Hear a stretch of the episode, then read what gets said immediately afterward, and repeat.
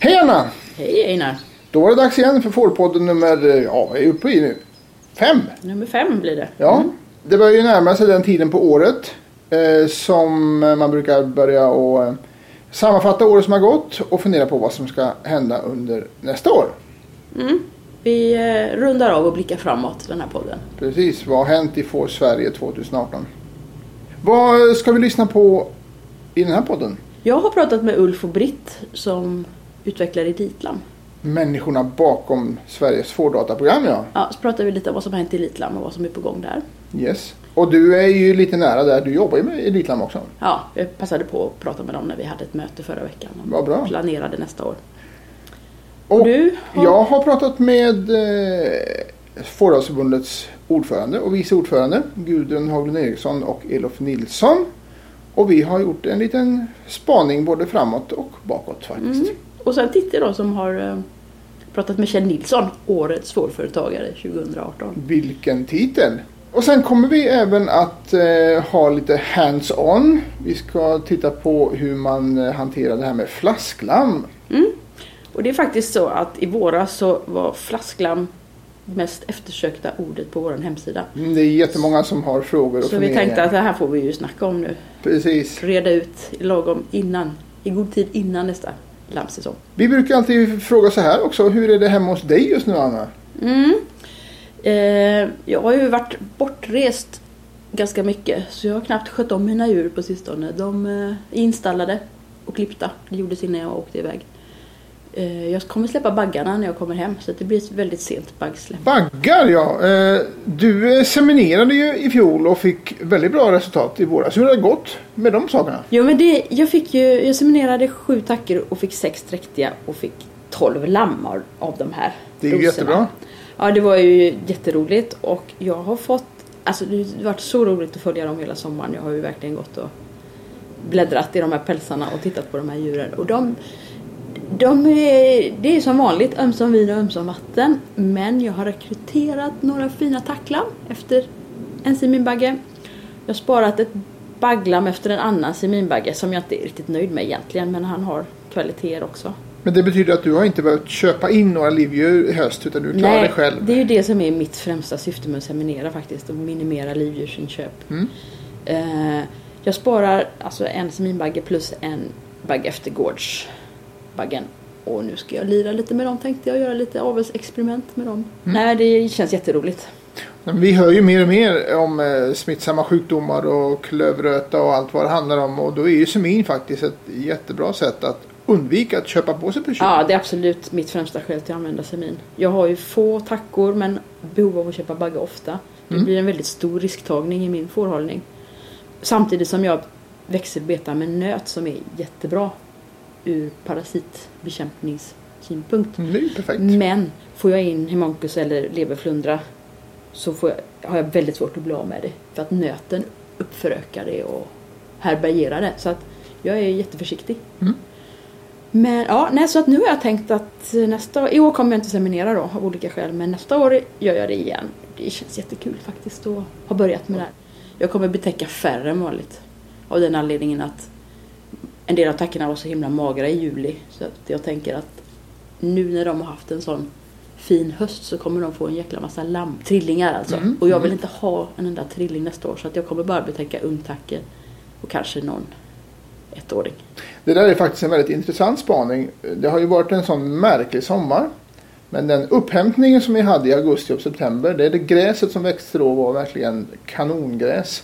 Och det gör att många tacker är i bra hull nu på hösten när Ja, vi ställer fina, in. de är fina nu. Det Ja. är möjligt att de hade sin uppgång så pass tidigt så att det hade varit lugnt att betäcka dem nu. Med tanke på trillingar alltså. Det, Mm. det vet jag ju inte. Jag Men jag tror- bestämde det i somras att jag ska göra det enkelt för mig nästa år. Ja, jag pratade faktiskt med eh, den stora fårskannaren i Sverige, Carl Williams.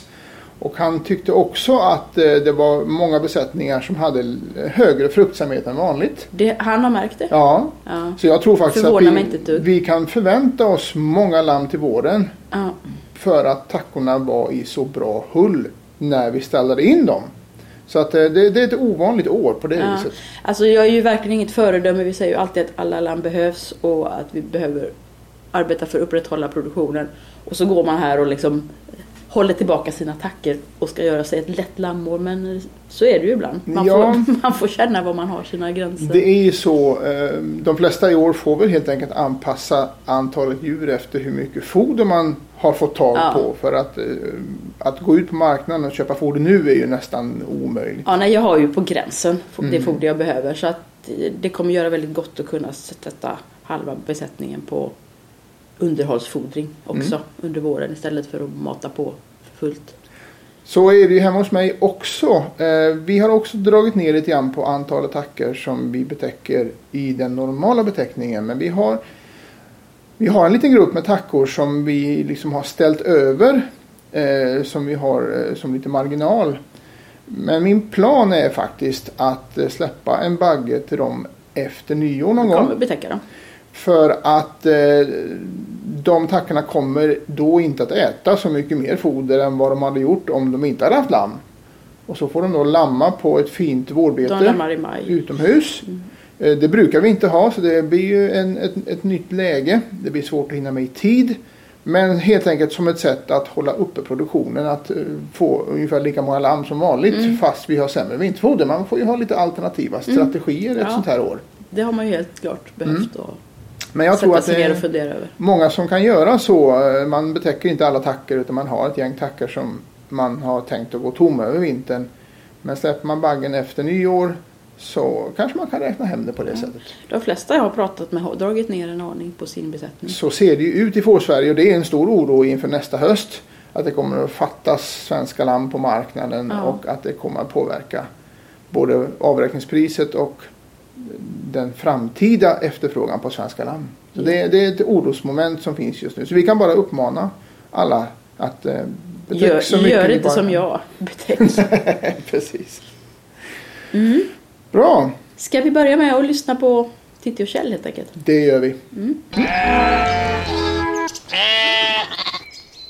Nu har jag med mig Kjell Nilsson på Grautegård på Gotland och i maj på Svenska Fåravelsförbundets stämma på Öland så blev ju du och Jenny utsedda till Årets fårföretagare 2018. Ja, Ja, fantastiskt roligt. jag förstår det. Jag tänker, vad, vad tänkte du när du, hörde, när du fick reda på att det var ni som vann? Ja, så vi... Det, det var lite chockartat faktiskt, för man tänkte det fanns så många andra duktiga producenter. Och, Mm, ja, vi tänkte till exempel så var ju Österö med och nominerade så jag tänkte att mm, herregud, vi, lille vi mot, mot större dem, tänkte vi. mm, Så det var lite häftigt och, Ja. och förvånande mm. och roligt.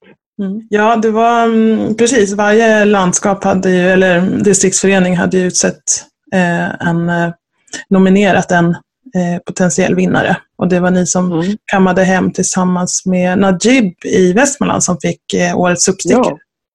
ja, det var lite häftigt det med tyckte jag. Jag var lite eh, nyfiken att höra om ni har, eh, om ni har fått smaka eh, den här eh, Nobelmenyn. Vi, vi, har gjort, eh, vi har gjort lammryggen själva hemma. Men Ja. vi har inte, för receptet finns ju att tillgå på Ja. eh, efter, efter Nobelfesten förra året. Så, så det har vi testat av, men vi har aldrig blivit bjudna på den. Däremot så fick vi i, i svallvågan efter det här, utöver att vi blev årets fårföretagare i Sverige, så vart vi med här på Gotland så har landshövdingen en fest varje sommar och där var vi med först där på sommaren och sen efter det så finns det något som heter Sverigemiddagen där landshövdingen får nominera jag tror fem personer med respektive och så lämnar de upp de förslagen till kungafamiljen och då väljer kungafamiljen ut tre personer så fick vi gå med på den här Sverigemiddagen i Vita Ja. salen eller vad det nu heter, Vita havet eller vad det heter. Jättestor, Mm. otroligt vacker sal i Stockholms slott. Mm. Så vi var där och åt middag och så det, det är många sådana här effekter som har kommit efteråt. Vi har fått ett Mm. jättefint diplom av någonting som heter Lilla Sällskapet och ma- massor av grejer som har blivit utifrån, eh, utifrån den här möjligheten vi fick att vara med med shotet Mm. på Nobelfesten. Kul att få den feedbacken också. Ja, helt otroligt faktiskt. Ja, eh, och då är det ju lite, man är ju lite nyfiken att höra vad ni, ni verkar ju utveckla en massa på gården och vad, vad som är på gång inför nästa år, 2019. Kan du berätta något?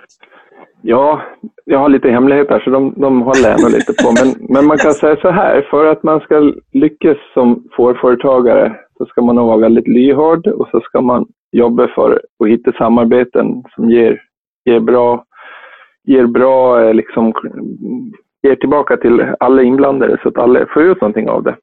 Och det jobbar vi mycket med. Till exempel så är jag ordförande i Skinnriket och vi jobbar med att utveckla gotländska lammskinn. Eh, och nu håller vi på med andra samarbeten inför 2019 när det gäller köttet och sådär. Men vi är lite hemlighetsfulla. Jag tror jag.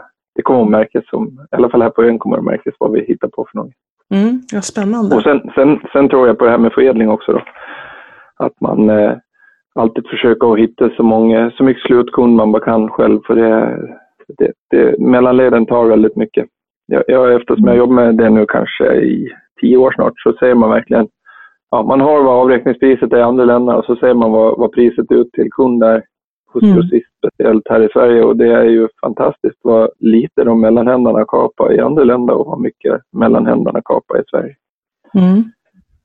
Eh, så förädling är också ett ledord vi, vi har lite planer på att bygga om en gammal ladugård hemma så vi ökar förädlingen och, och få mm. till, till det här med kyl och frys och styckning och lite rökning och sådär. Så vi mm. slipper ha det på distans. Mm. Ja, det låter, låter intressant. Eh, det händer grejer med andra ord. Eh, vad önskar du dig inför nästa år då? Om du får ja. Jag skulle, ska man önska någonting i det stora hela så önskar man ju att debatten kring Ja, för oss, vi drabbas ju inte av varg, så annars så skulle man kanske sagt det. Men på Gotland mm. så har vi inte den, den problematiken. Men däremot um, hur, hur mycket nyhetsmedier Eh, blanda ihop alla kort när det gäller kött. Vi har ju världens bästa kött vill jag påstå från får som går ute från, eh, från Sverige. Det kan inte bli mycket bättre. Och, och då är det lätt att den, de ramlar in i det här köttsnacket som alla andra som, som feedlotskossor gör i USA. Och det är inte där vi ska vara utan vi har ju en exceptionellt bra produkt och vi har eh, gör jättemycket för biologisk mångfald och så vidare. Och det, vi måste försöka få ut de värdena så att folk framförallt journalister förstår vad, hur verkligheten verkligen är. Mm. Det är fel röster som har sig i etermedia när det gäller djurvälfärd och, och biologisk mångfald. Och mm. Miljö och klimatpåverkan och så vidare.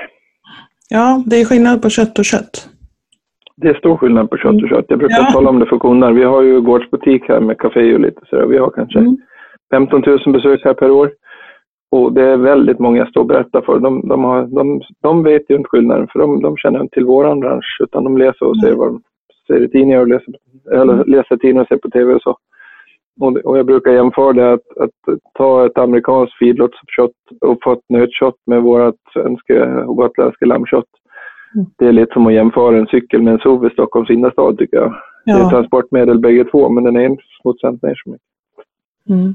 Ja, ni eh, gör ett fantastiskt jobb där eh, och marknadsför det, det, den svenska lammproduktionen eh, för konsumenter, helt klart. Eh, och, eh, så tack så jättemycket för att jag fick fråga dig lite.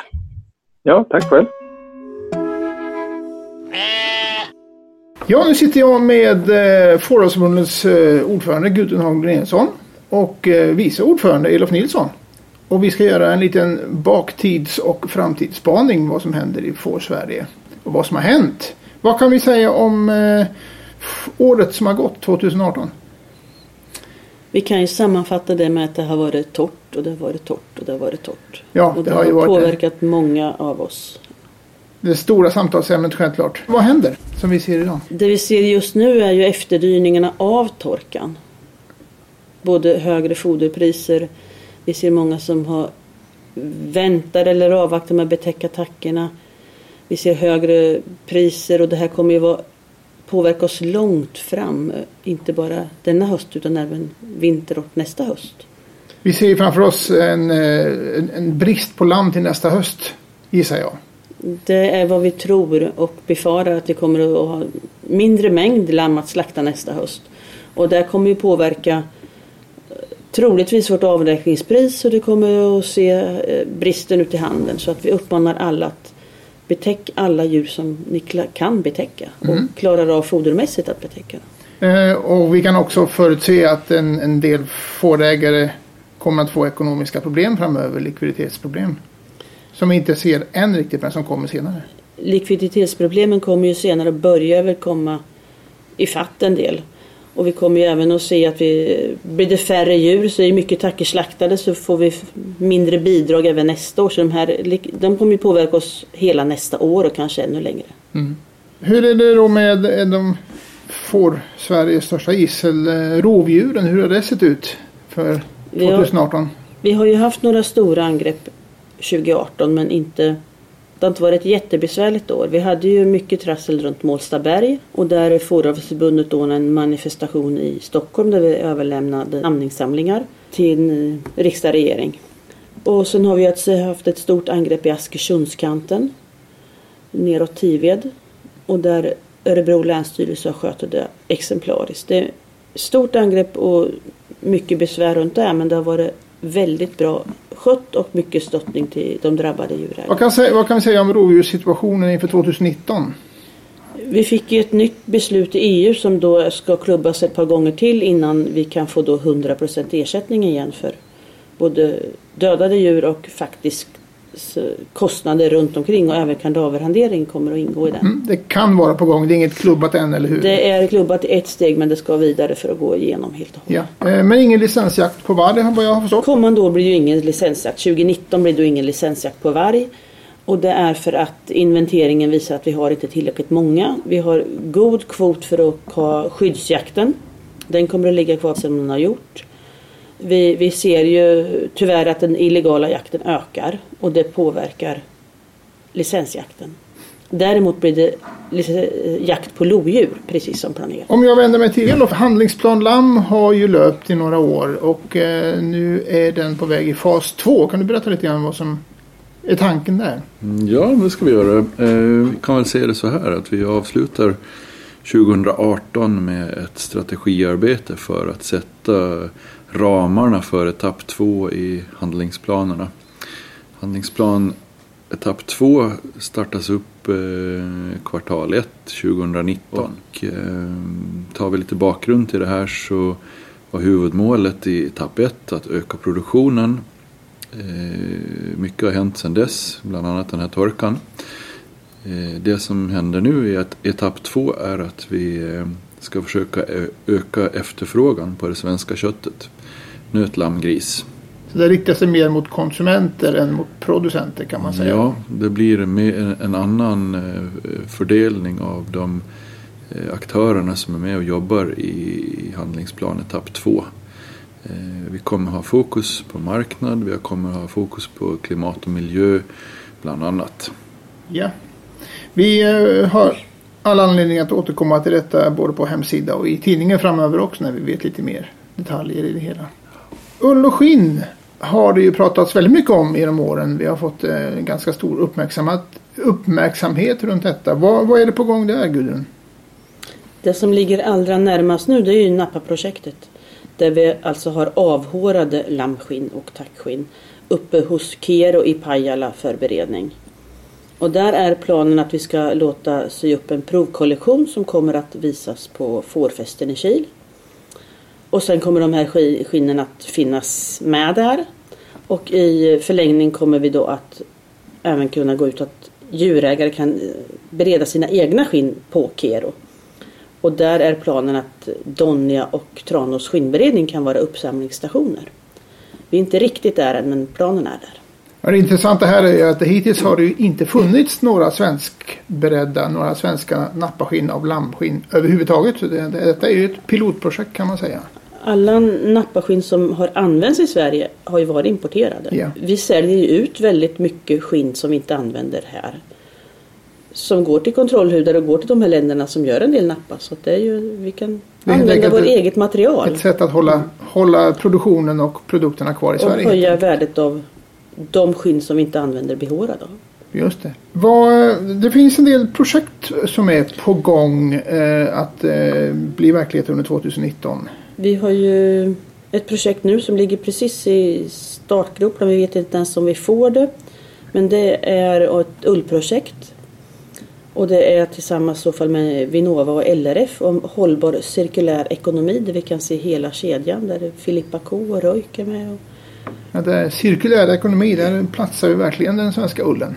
där platsar den svenska ullen och det ho- hoppas vi ska gå igång. Så det är ett förstudieprojekt för att kunna vidareutveckla det. Vi hoppas naturligtvis att eh, hela lammet ska platsa in i det här också. Det finns jättemycket att göra här. Det här är rätt arena för, för lammet. Men sen har vi några eh, projekt som är på sluttampen också, eller hur? Ett projekt som handlar om totalindex. Det låter väl jättespännande. Det är jättespännande alltså för det handlar ju om avel och det ligger i eh, slutredovisning på fårforskningssidan så det kommer att slutredovisas nu i februari nästa år. Och där eh, man väger in den ekonomiska aspekten i avelsvärderingen. Då. Man kan säga att det är ett sätt att förenkla utfallet av avelsvärderingen så att man lättare kan ta Man- till sig och använda avelsvärderingsvärdena. Det, det ska bli brukarvänligt för lampproducenterna att använda det. Precis, man sätter kronor och öron på de olika egenskaperna helt enkelt. Och det kommer ett första del av det i nästa fårskötsel. Ja, det gör det ju. Och sen har vi ett projekt om ranchdrift också. Och det, det är precis i startgroparna och det kommer och Titti i Strömne ha hand om. Och det är ju utedrift av lamm och får i Sverige. Det är ju vanligt i Danmark att man har dem på det viset men hittills så är det inte tillåtet i Sverige utan det här är ett sätt att titta på och se om, Se om på möjligheterna om vi kan, kan få till en sån lösning där det är lämpligt och kan gå att genomföra det. kan passa på vissa ställen. Ja. Helst utan eh, kontrollfunktion via någon expertis utan att vi eh, landar in det här hos djurägarna så att djurägarna tar sitt fulla ansvar i, i sin djurproduktion och när man har sina djur ute. Det tror vi är en, en framkomlig väg. Ja. Till slut så har vi punkten semin, fårsemin. Hur är läget där? Vi har ju kört fårsemin några år nu med eh, bra resultat. Vi har haft lite mindre doser sålda i år och det är väl för torkan. Men vi behöver växla upp det här i många fler sålda doser om vi ska kunna driva det vidare rent ekonomiskt. För nu är liksom projektpengarna slut. Och där vill vi ju slå ett slag för både smittskyddssäkerheten och få in nytt genetiskt material i den egna besättningen på ett relativt enkelt och kostnadsmässigt bra sätt. Man kan väl säga så här att eh, om vi ska få den här verksamheten att gå runt ekonomiskt så behöver fler fårägare börja seminera. Ja. Och vi har ju väldigt många raser representerade idag. Och det här är ju bra för både den lilla och den stora fårägaren. Eh, om ni är nyfikna på hur det fungerar med fårkemin så lyssna gärna på en av de äldre avsnitten av Fårpodden som handlade helt och hållet om fårkemin. Vi gjorde den i somras. Ni hittar den lätt på vår hemsida. Men då tackar jag så länge för det. För den här framtidsspaningen så hoppas vi på ett bättre väderår 2019 än vad vi hade i år i alla fall. Absolut. Ett mer normalt år. Normalår önskar vi. Hej då! Hej då! Hej. Nu sitter jag här med Ulf och Britt Andreasson. Vi har eh, precis avslutat vårt årliga Elitlam-möte när vi jobbar med utveckling av programmet och blickar framåt egentligen. Ja. Och då tänkte jag att det kunde vara läge för Fårpoddens lyssnare att få höra era röster och få veta lite mer om vad som händer. Och kanske att vi kan knyta ihop 2018 samtidigt. Mm, tycker jag. Men eh, jag tror att väldigt många av poddens lyssnare vet vad Elitlam är och vet vilka ni är. Men kanske är det några som faktiskt inte vet vad Elitlam är. Så berätta helt kort, vad är Elitlam? Mm. Vi har jobbat i nästan 20 år nu med att utveckla det här eh, fårdataprogrammet. Ehm, det används i Sverige och Danmark framförallt. Ehm, det har eh, 2650 användare ungefär i nuläget. Tanken med Elitlam är att eh, det ska hjälpa besättningar med de vardagliga sakerna i arbetet med fåren. Att man ska kunna eh, få koll på sina lamningar, att man ska kunna följa upp djurens hälsa, att man ska kunna väga, registrera slakt och sånt. Det är ett väldigt omfattande program som innehåller oerhört mycket data om ett djur som man kan använda på olika sätt kan man väl sammanfatta det kanske. Och avelsregistret, att det är Elitlam man registrerar sina djur i härstamningskontrollen Ja. i Sverige. Eh, om vi nu kollar på 2018, har det, har det varit ett bra elitlammår? Och hur har, vad har användarna märkt av för förnyelser? Under året som har gått så har vi jobbat ganska mycket med hälsofrågor. Vi tyckte att det var en del som saknades i Elitlam och därför har vi eh, sett till så att det nu går att registrera sjukdomar, behandlingar och det sammantaget eh, utmynnar då i en läkemedelsjournal som ju då är ett myndighetskrav. Och det har vi tyckt varit eh. Det är så roliga saker att hålla på med för att eh, det berör ju alla besättningar. Eh, Elitam är, i, eftersom vi har hållit på nu i 20 år så innehåller det så väldigt många olika eh, saker. Eh, det är ett smörgåsbord.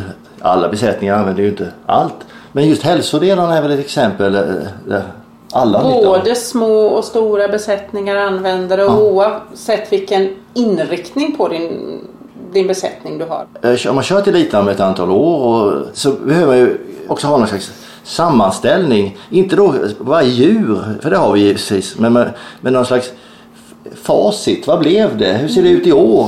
Hur såg det ut förra året? Hur går det på gården? Ja, och det, det, det ska man inte, kan man inte sitta och med papper och penna och sammanställa utan vi, vi nå- har gjort någonting som är någon slags ja, resultatrapport. Där man säger nyckeltal, det låter fint men om, om man säger hur, hur, hur, många, typ, ja, hur många kilo lammkött blir det per tacka ungefär? Den, den typen av, av nyckeltal. Man jämför sig med sig själv. Jämfört med sig själv, va? det tycker jag är i första hand man gör. Men det är klart, skulle man eh, dra ihop en RFA-grupp exempelvis så är det här ju ett väldigt bra underlag. Det, det är en sida som man kör ut från Elitlam som faktiskt säger väldigt mycket om, om, om en skåd. Och det här är lite grundtanken med Elitlam också. Användaren matar in siffror, registrerar saker och ska kunna få ut saker av det. För det är det Elitlams styrka är. Att vi kan eh, jämföra, behandla, eh, Presentera. presentera siffror tillbaka som användaren har. Igår har också tagits fram tillsammans med eh, Gård och djurhälsan. Det är väldigt bra om, om, när de kommer ut och gör ett besök. Och han, eh, kan eh, visa fram ett eh, dokument som ge- ger dem en väldigt snabb och bra bild. Sen eh, har vi, det är att fram av, vi beräknar avelsvärde för eh, korsningsdjur. Ja, det var premiär i somras. Ja. Eh, det berör ganska många faktiskt. Eh, däremot så kanske det inte är så många som hör talas om det för det finns ju liksom ingen rasförening för korsnings... Nej, det är ingen som driver deras frågor nej, nej, och gå ut med det. det, Det det är därför det har dröjt några år innan de Ja, det har gjort. Det har gjort. Eh, så att det, här är vi väldigt beroende av att alla ni som har korsningsdjur, att de ser till att kanske mönstra djuren och börja väga dem mer så vi får bättre, så vi får säkra avelsvärden. Och kommer in med idéer om vad man skulle kunna göra för förändringar och förbättringar. Programmet. Hörde ni det nu? Ni som ute på gårdarna som har korsningsdjur och har nytta av avelsvärdena. Hör av er om ni har åsikter om hur de kan utvecklas. ja. Det- Nästan allt i Elitland är, givet- är ju drivet av användare. Men det, eh, i vissa fall finns det föreningar och intressegrupper som, som givetvis eh, samlar ihop eh, ägarens eh, idéer och så kommer till Men i det här fallet är det ett typiskt exempel där vi att man tar egna initiativ och hör av oss. Ja, men det kan ju vara bra att veta.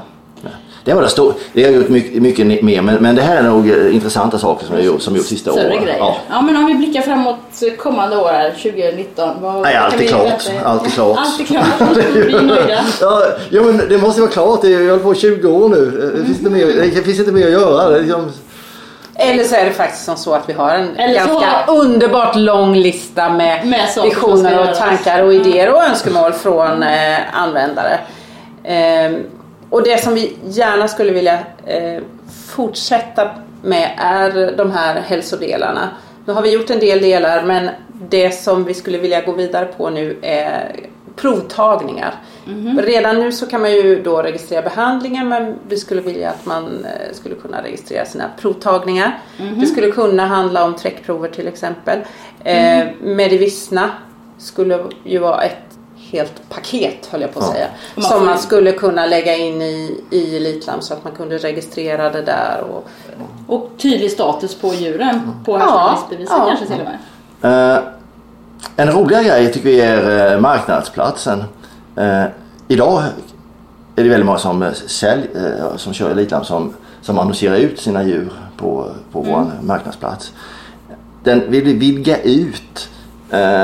Eh, så att eh, förutom det att det är kanske lite bilder så här, ska man kanske även kunna presentera sin besättning lite mer. Vi vill att alla de här 2600 som använder Elitan, det är ju det är väldigt många. Men vi, skulle, vi måste ju hitta varandra. Speciellt för besättningar som har raser som är ganska små i Sverige. Där är det ännu viktigare att de får kontakt med Att de hittar varandra. varandra. Och där skulle Elitlam då kunna vara en, en länk, en förmedling Ja, mellan. ja men okej. Så, så vi kan inte bygga ett helt... Det ser vi fram emot. Ja. Det ska inte bli ett helt, face, det ska inte bygga ett helt Facebook men det ska ändå vara lite mer att vi kan... Vi ska bara bygga ett fårbok. Ja, Nu pratar vi här om marknadsplatsen där man kan utannonsera sina djur. Och det säljs ju otroligt många djur inom eh, Elitlam. Mellan lilla besättningar. Ja, precis. Och speciellt för den här tiden på året då. Där har vi också tankar om hur vi skulle vilja eh, utveckla den delen.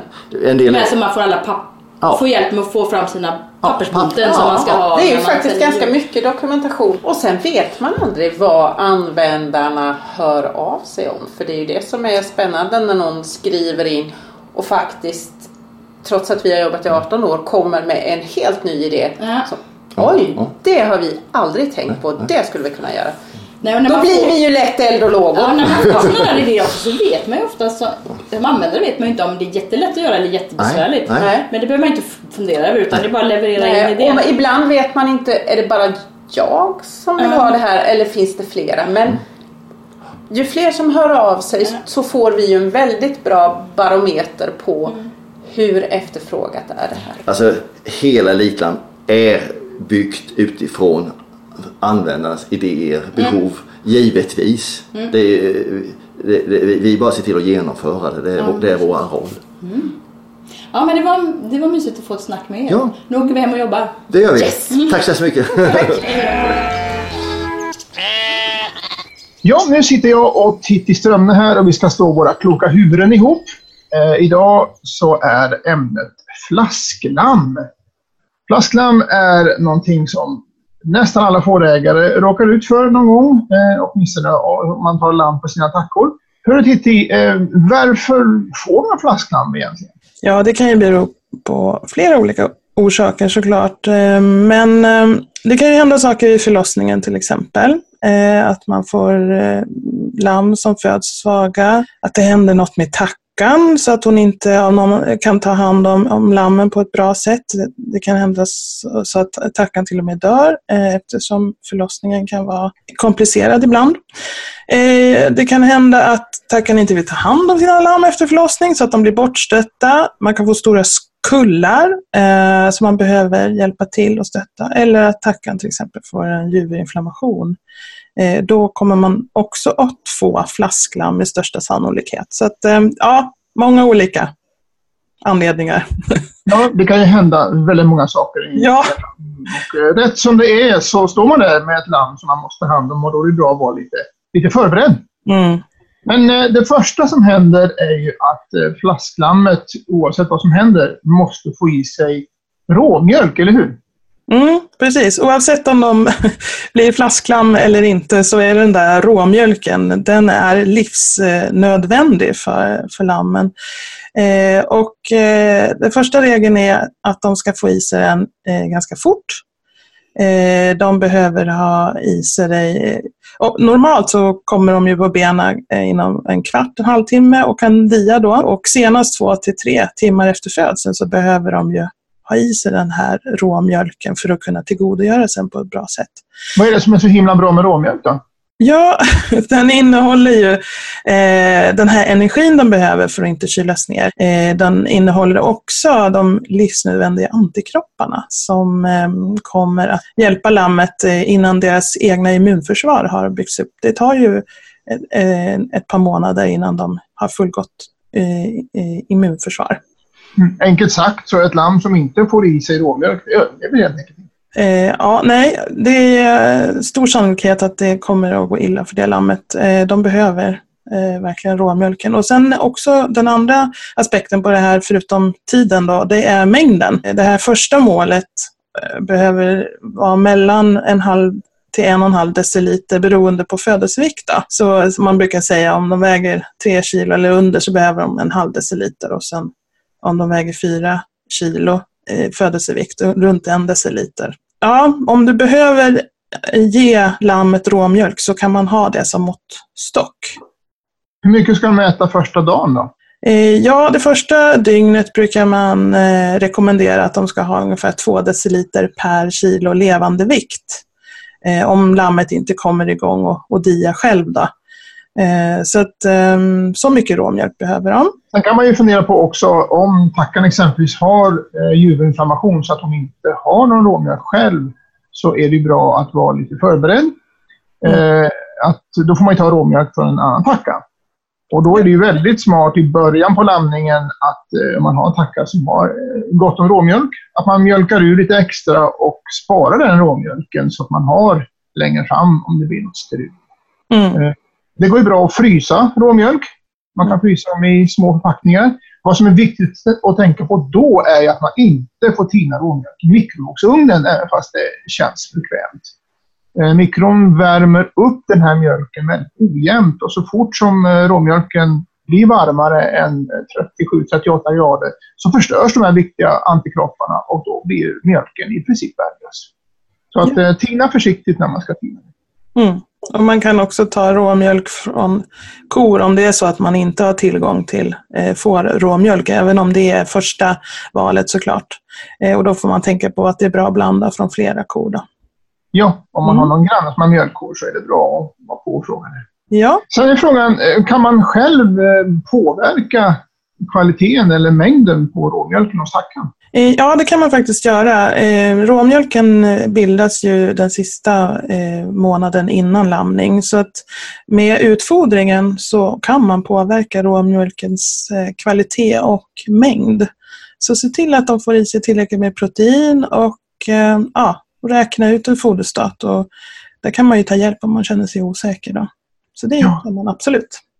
Och man har ju sett att väldigt stor del av de lammen som dör inom de första dagarna efter födseln, de dör faktiskt helt enkelt på grund av svält. Att de får i sig för lite mjölk. Så att utfodringen den sista månaden innan lamningen är jätteviktig. Men då har vi kommit in, då har vi kommit förbi den här viktiga första punkten med råmjölk och sen har vi kommit in på flasklamm. och då är det ju lammnäringar som man köper som pulver eh, som man blandar ut med vatten som man föder upp de här lammen på. Eh, det finns ju ganska många olika sorters lammnäring på marknaden och då kan vi tipsa om att i Fårskötsel nummer 8 2018 som kommer ut strax innan jul, där har vi en stor marknadsöversikt över alla lammnäringar som finns på marknaden och vad det kostar. Ehm, ibland får man ju frågan vilken är bra och vilken är dålig och det där är faktiskt ganska svårt att svara på. Ehm, det viktiga är att man ser att det är en lammnäring som innehåller hög halt av energi och protein. Eh, så man får göra lite jämförelser, man får prata med kollegor eh, och kolla vilka som har fungerat bra och mindre bra. Eh, och sen är det också viktigt att man blandar den här landnäringen på rätt sätt, eller hur? Ja, um, alla lammnäringar har lite olika sätt att blandas ut. Så läs uh, på påsen vad som gäller för den lammnäring som du har uh, satsat på. Att man får rätt koncentration helt enkelt. Och där går man ju oftast på vikt snarare än på volym. Så ha gärna en våg eh, bredvid säcken och, när du ska blanda så att du liksom väger upp pulvret och blandar. Då blir det, då blir det bäst. Ja, man skulle tänka ungefär likadant när man bakade, sa du? ja, jag tycker ju det. det kan ju liksom när man eh, häller upp ett pulver i ett mått, det kan ju packas ihop väldigt eller bli väldigt fluffigt. Så det, det är bättre att gå på vikten än volym, tycker jag. Ja. Mm. Och har man inte vågen varje gång så är det bra att kontrollväga emellanåt i alla fall, för det kan faktiskt skilja sig mellan olika säckar också. Men eh, det är viktigt alltså att få rätt koncentration på den här lamineringen om det ska funka bra. Ja, och även tempen då. Om det är så, i början brukar man ju alltid fodra mjölken varm. Om man, när man, man börjar ju oftast med en vanlig nappflaska. När lammet ska lära sig eh, tekniken att suga på napp. Eh, och då, är, då fodrar man alltid mjölkersättningen eh, i 38 grader. Så där får man ju också vara noga med att kolla tempen. Då. Och flaska, det är, har man bara några stycken flasklam så är ju en vanlig nappflaska det absolut enklaste att använda. Mm. Precis, har man ett eller två eller tre lamm då kan man ju klara det med, med flaska. Eh, har man flera då, då kanske man lär dem på flaska och sen så går man över på en napphink som har ofta fem eh, nappar. Då, så man kan fodra fler på en gång. Det är väldigt effektivt. Och då kan man välja om man vill ge varm eller sen kanske gå över på kall syrad mjölknäring som de har tillgång till hela tiden. Ger man varm däremot, då får man ju ge eh, givor och så får man ta bort eh, hinken emellan så de inte står liksom och då dricker de upp allt på en gång så de inte står och liksom dricker luft. Ja, Ja. men det är, nästa, det är nästa fråga då. Hur många gånger om dagen ska, eh, behöver en, ett lamm ha nappflaskan? Eh, ja, i början är det ju eh, många gånger och små mängder. Så att i början får man i alla fall ge en fyra gånger om dagen. Eh, och så att då blir det ju ja, max 2,5 deciliter per giva och det är ganska mycket när de precis är nyfödda. Det beror lite på storleken på lammet såklart, om det är litet lamm eller om de väger upp mot 5-6 kilo. Men, eh, så, men eh, grundregeln är ju många, och få, eh, eh, många gånger och mindre volym i början och sen kan man gå upp i giva allt eftersom lammen växer. Då. Ja, det är väl det som är grejen med flasklamm. Det är ganska arbetskrävande i början, men ju mer man orkar satsa, det vill säga ju fler gånger per dag man orkar ge lammen, ju bättre är det ju för lammen. För Mm. att lamm naturligt dricker ju hundra gånger om dagen på sin mamma. Mm. Eh, och eh, det är väl ett av problemen som man kan se med flasklamm, att de får i sig för mycket mjölk för få gånger på dagen. Och, och då kan man ju få de här typiska lammen med tjock mage och eh, tunn för övrigt som inte mår riktigt bra. Så att ju, ju mer jobb man lägger på sina lamm i början, ju bättre. Precis, så att, eh, det, det vinner man. Eh, sen har vi ju eh, också en lösning som har blivit vanligare eh, bland, eh, har kommit med, de här automaterna. Ja, lammjölksautomater är ju ganska käckt. Det har ju börjat, ja, det har blivit en väldigt stor succé bland fårägare de sista åren. Mm. Eh, och det innebär ju att man har ett antal nappar som sitter i rad eh, som är anslutna till den här automaten med slangar. Och eh, själva har vi en som heter Heatwave. Mm. Det finns några olika varianter. Grejen med den här som vi har är att man blandar till mjölken kall. Och sen värms mjölken samtidigt som lammen dricker. De suger helt enkelt mjölken genom en värmeväxlare och så får de hela tiden lagom kroppstempererad mjölk. Och det här är en väldigt, eh, väldigt bra lösning tycker jag. Och jag vet även en del mindre fårägare som har köpt en sån här. De är ju inte så jättedyra trots allt. Och som köper dem för att lammen mår bra. Och det kanske är så man har ett förvärvsarbete bredvid. Man har inte möjlighet att, att springa i fårhus hela dagen.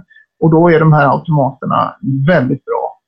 Eh, för att lammen äter hela tiden eh, så mycket eh, när de vill och hur de vill. Och eh, de blir väldigt, de mår väldigt bra de här automaterna. Mm, mm, precis, och, och när man pratar om äh, automat så kan man ju, då har man en, oftast en separat flasklampsgrupp eller grupper på den. Ja, det brukar man ju ha. Eh, Då vänjer man ju av eh, lammen helt och hållet från tackorna. Eh, Och så går de i en egen grupp. Mm, Eh, Och där är det också bra att tänka på att det är bra att dela upp de här lammen i minst två grupper. Så man har större lamm i en grupp och mindre lamm i en grupp. För då konkurrerar de inte så mycket med varandra. Mm. Och eh, de här automaterna brukar ju säljas med fyra nappar. Men eh, jag har faktiskt kunnat köra upp till åtta nappar på en automat. Och det gör att det, man kan ha två grupper med fyra nappar i varje och det fungerar faktiskt väldigt, Okej. väldigt bra. Ja, okej. Eh, har man mindre antal flasklamm eller mindre besättning så mm, om man fodrar med nappflaska eller napphink då går ju de kvar med i, i, i besättningen så att säga. Ja, det, det gör man ju ofta. Ja. Ja, Men sen är det en sak som är viktig att tänka på. Det gäller både automat och napphink nappflaska för den delen. Det är att man är noga med hygienen. Det gäller att man diskar ur de här eh, grejerna eh, varje gång man använt dem. Eller automaten ska diskas minst en gång om dagen. För annars så blir det sunkigt och äckligt i dem. Och det gäller framför allt när man kommer framåt eh, april, maj, kanske juni när det börjar bli varmt ute. Då är det viktigt att man håller, att man håller eh, hygienen ordentligt. För annars kan man helt enkelt bli sjuka ja, och det är ju samma med, med om man har nappflaska eller napphink. Man sköljer ur varje dag och sen kan man koka napparna ibland också. Så att det, man Jajamän. håller hygienen där. Både, både napphinken och automaten så är det bra om man plockar isär själva ventilen som sitter bakom nappen. För där kan det samlas en hel del geggamoja också. Ja, usch ja. Jag tänkte också ta upp det, oavsett om man har flasklamm eller eh, inte, så är ju det här med lammkammare eh, jätteviktigt, tycker jag. Ja. Det ska vara full sprut från början för alla lamm. Eh, så att eh, se till att redan från första levnadsveckan, alltså när de börjar bli runt en vecka, så kan man sätta upp eh, en lammkammare på ett strategiskt eh, ställe i, lamm, i fårhuset. Eh, och där ska de ha tillgång till ett kraftfoder som de kan pilla i sig, gärna om pellets typ. Eh, och också vatten i, i, närheten av det här så att de kan eh, eh, dricka. Då. Men inte, inte några jättebaljor som de kan drunkna i. Men det ska finnas friskt vatten där. Eh, gärna mineraler också som de har tillgång till. Det gäller att de ska komma igång och äta annat så fort som möjligt. Det här eh, kommer, stimulerar vommen att komma igång och de behöver det här för att eh, växa. Ja. Lammen brukar ju älska den här lammkammaren också. Det blir lite lammdagis för dem. De tycker det är jättekul att vara där. Ja, precis. Det blir, eh, om man eh, placerar den liksom i mitten av fårhuset eh, där tackorna gärna är så gillar de att ligga där inne om man halmar. Och de gillar att vila där inne också ju. Nej. Mm. Sen har vi ju en ganska vanlig fråga. Hur mycket pulver går åt till ett lamm? Och eh, det är ju så att eh, ett lamm som dricker i fri tillgång kan dricka mellan 2 och 2,5 liter lammnäring per dag. Och det gör att det går alltså åt ungefär 10 kilo pulver till ett lamm från födsel till avvänjning. Eh, och eh, det kan ju vara bra att tänka på då, att eh, många lammnäringar säljs i 5 kilos påsar eh, som är betydligt dyrare. Köp inte dem säger jag, för det går åt minst två sådana påsar till ett lamm. Så att eh, ju större förpackning man köper, ju billigare blir det. Det är bra att tänka på. Mm. Precis, så att man kan beställa hem från tillverkaren snarare än gå via butik också. Ha, vad säger du om avvändningen då, Einar? Eh, när är ja, då har vi kommit fram till avvändningen och eh, man brukar ha en riktlinje att lammet ska ha vuxit 10 kilo från födelsevikten och det, det blir i praktiken när lammet väger 14-15 kilo. Eh, det tar normalt kanske 68 veckor, det är lite olika hur fort de växer. Eh, och det viktiga då är att man vänjer dem tvärt, att man slutar helt och hållet med mjölken på en gång. Men det viktiga är ju då självklart att de äter ordentligt med kraftfoder och hö eller hösilage. Mm. Eh, och sen efter avvänjningen så är det bra om de får gå ihop med de andra fåren så att de lär sig av de äldre djuren och hur man gör när man betar gräs och så vidare. Och eh, så att de blir socialt även som, som vanliga får.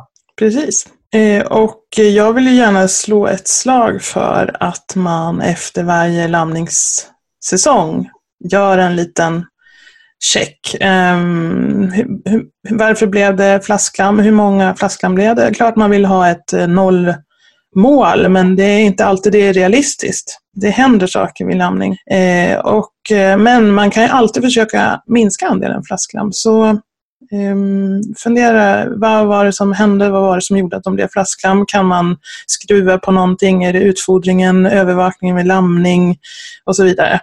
Så man kan förändra till nästa år och förhoppningsvis få färre flasklam. Precis. Flasklam är ju förvisso charmigt men i princip alltid olönsamt, ja. brukar jag säga. Så att vi, vi försöker ha så få flasklam som möjligt. Ja, det bästa är om tackan kan ta hand om dem. Absolut, det är målsättningen. Mm.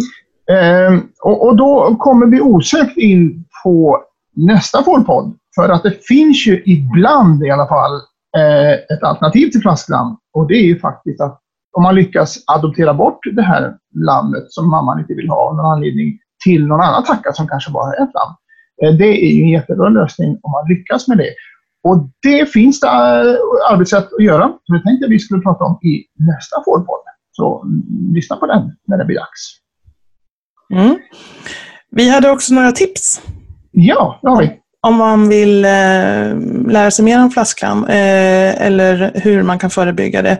Då har vi ju Gård och djurhälsan har tagit fram första lammhjälpen, heter det. Finns på deras hemsida och även artiklar i fårskötsel vet jag. Einar. Ja, och lite filmer mm. finns det också. Mm. Så att eh, det finns att förkovra sig. Eh, och på Fårdalsförbundets hemsida på kunskapsbasen där finns ju massor att läsa och där finns också en hel del att läsa om flasklam och, mm. och sådana saker. Ja. ja, då får vi önska alla fårägare lycka till med de flasklam som blir och hoppas att det blir så få som möjligt. Ja, lycka till. Då säger vi så. Ja, nu, nu ska vi fira jul och så ska vi fira nyår och sen väntar vi på nästa lammningssäsong. Ett nytt fårår, ja. Det ska bli spännande och roligt trots allt. Ja, det är det alltid. Nu är det så här, vi har ju ett nytt eh, fårpoddår framför oss också. Ja, vi planerar att göra sex poddar 2019. Ja, Vi har inte bestämt vad de ska handla om så att det finns möjlighet att påverka om man har idéer om ämnen som man vill att vi ska ta upp. det är det som är det roliga med fåren. Det finns så himla mycket olika saker som man kan prata om. Eh, har ni någon idé, någon, någonting som ni skulle vilja att vi pratar om under 2019 så får ni jättegärna höra av er till oss. Det är bara att mejla eller skriva på Facebook eller ringa oss. Det finns kontaktuppgifter på hemsidan. Yes. Då återstår väl inte så mycket annat än att säga god jul och gott nytt fårår. Ja. Hur Anna? God jul på er allihop. Ta hand om er. Hej då. Hej då! Äh. É.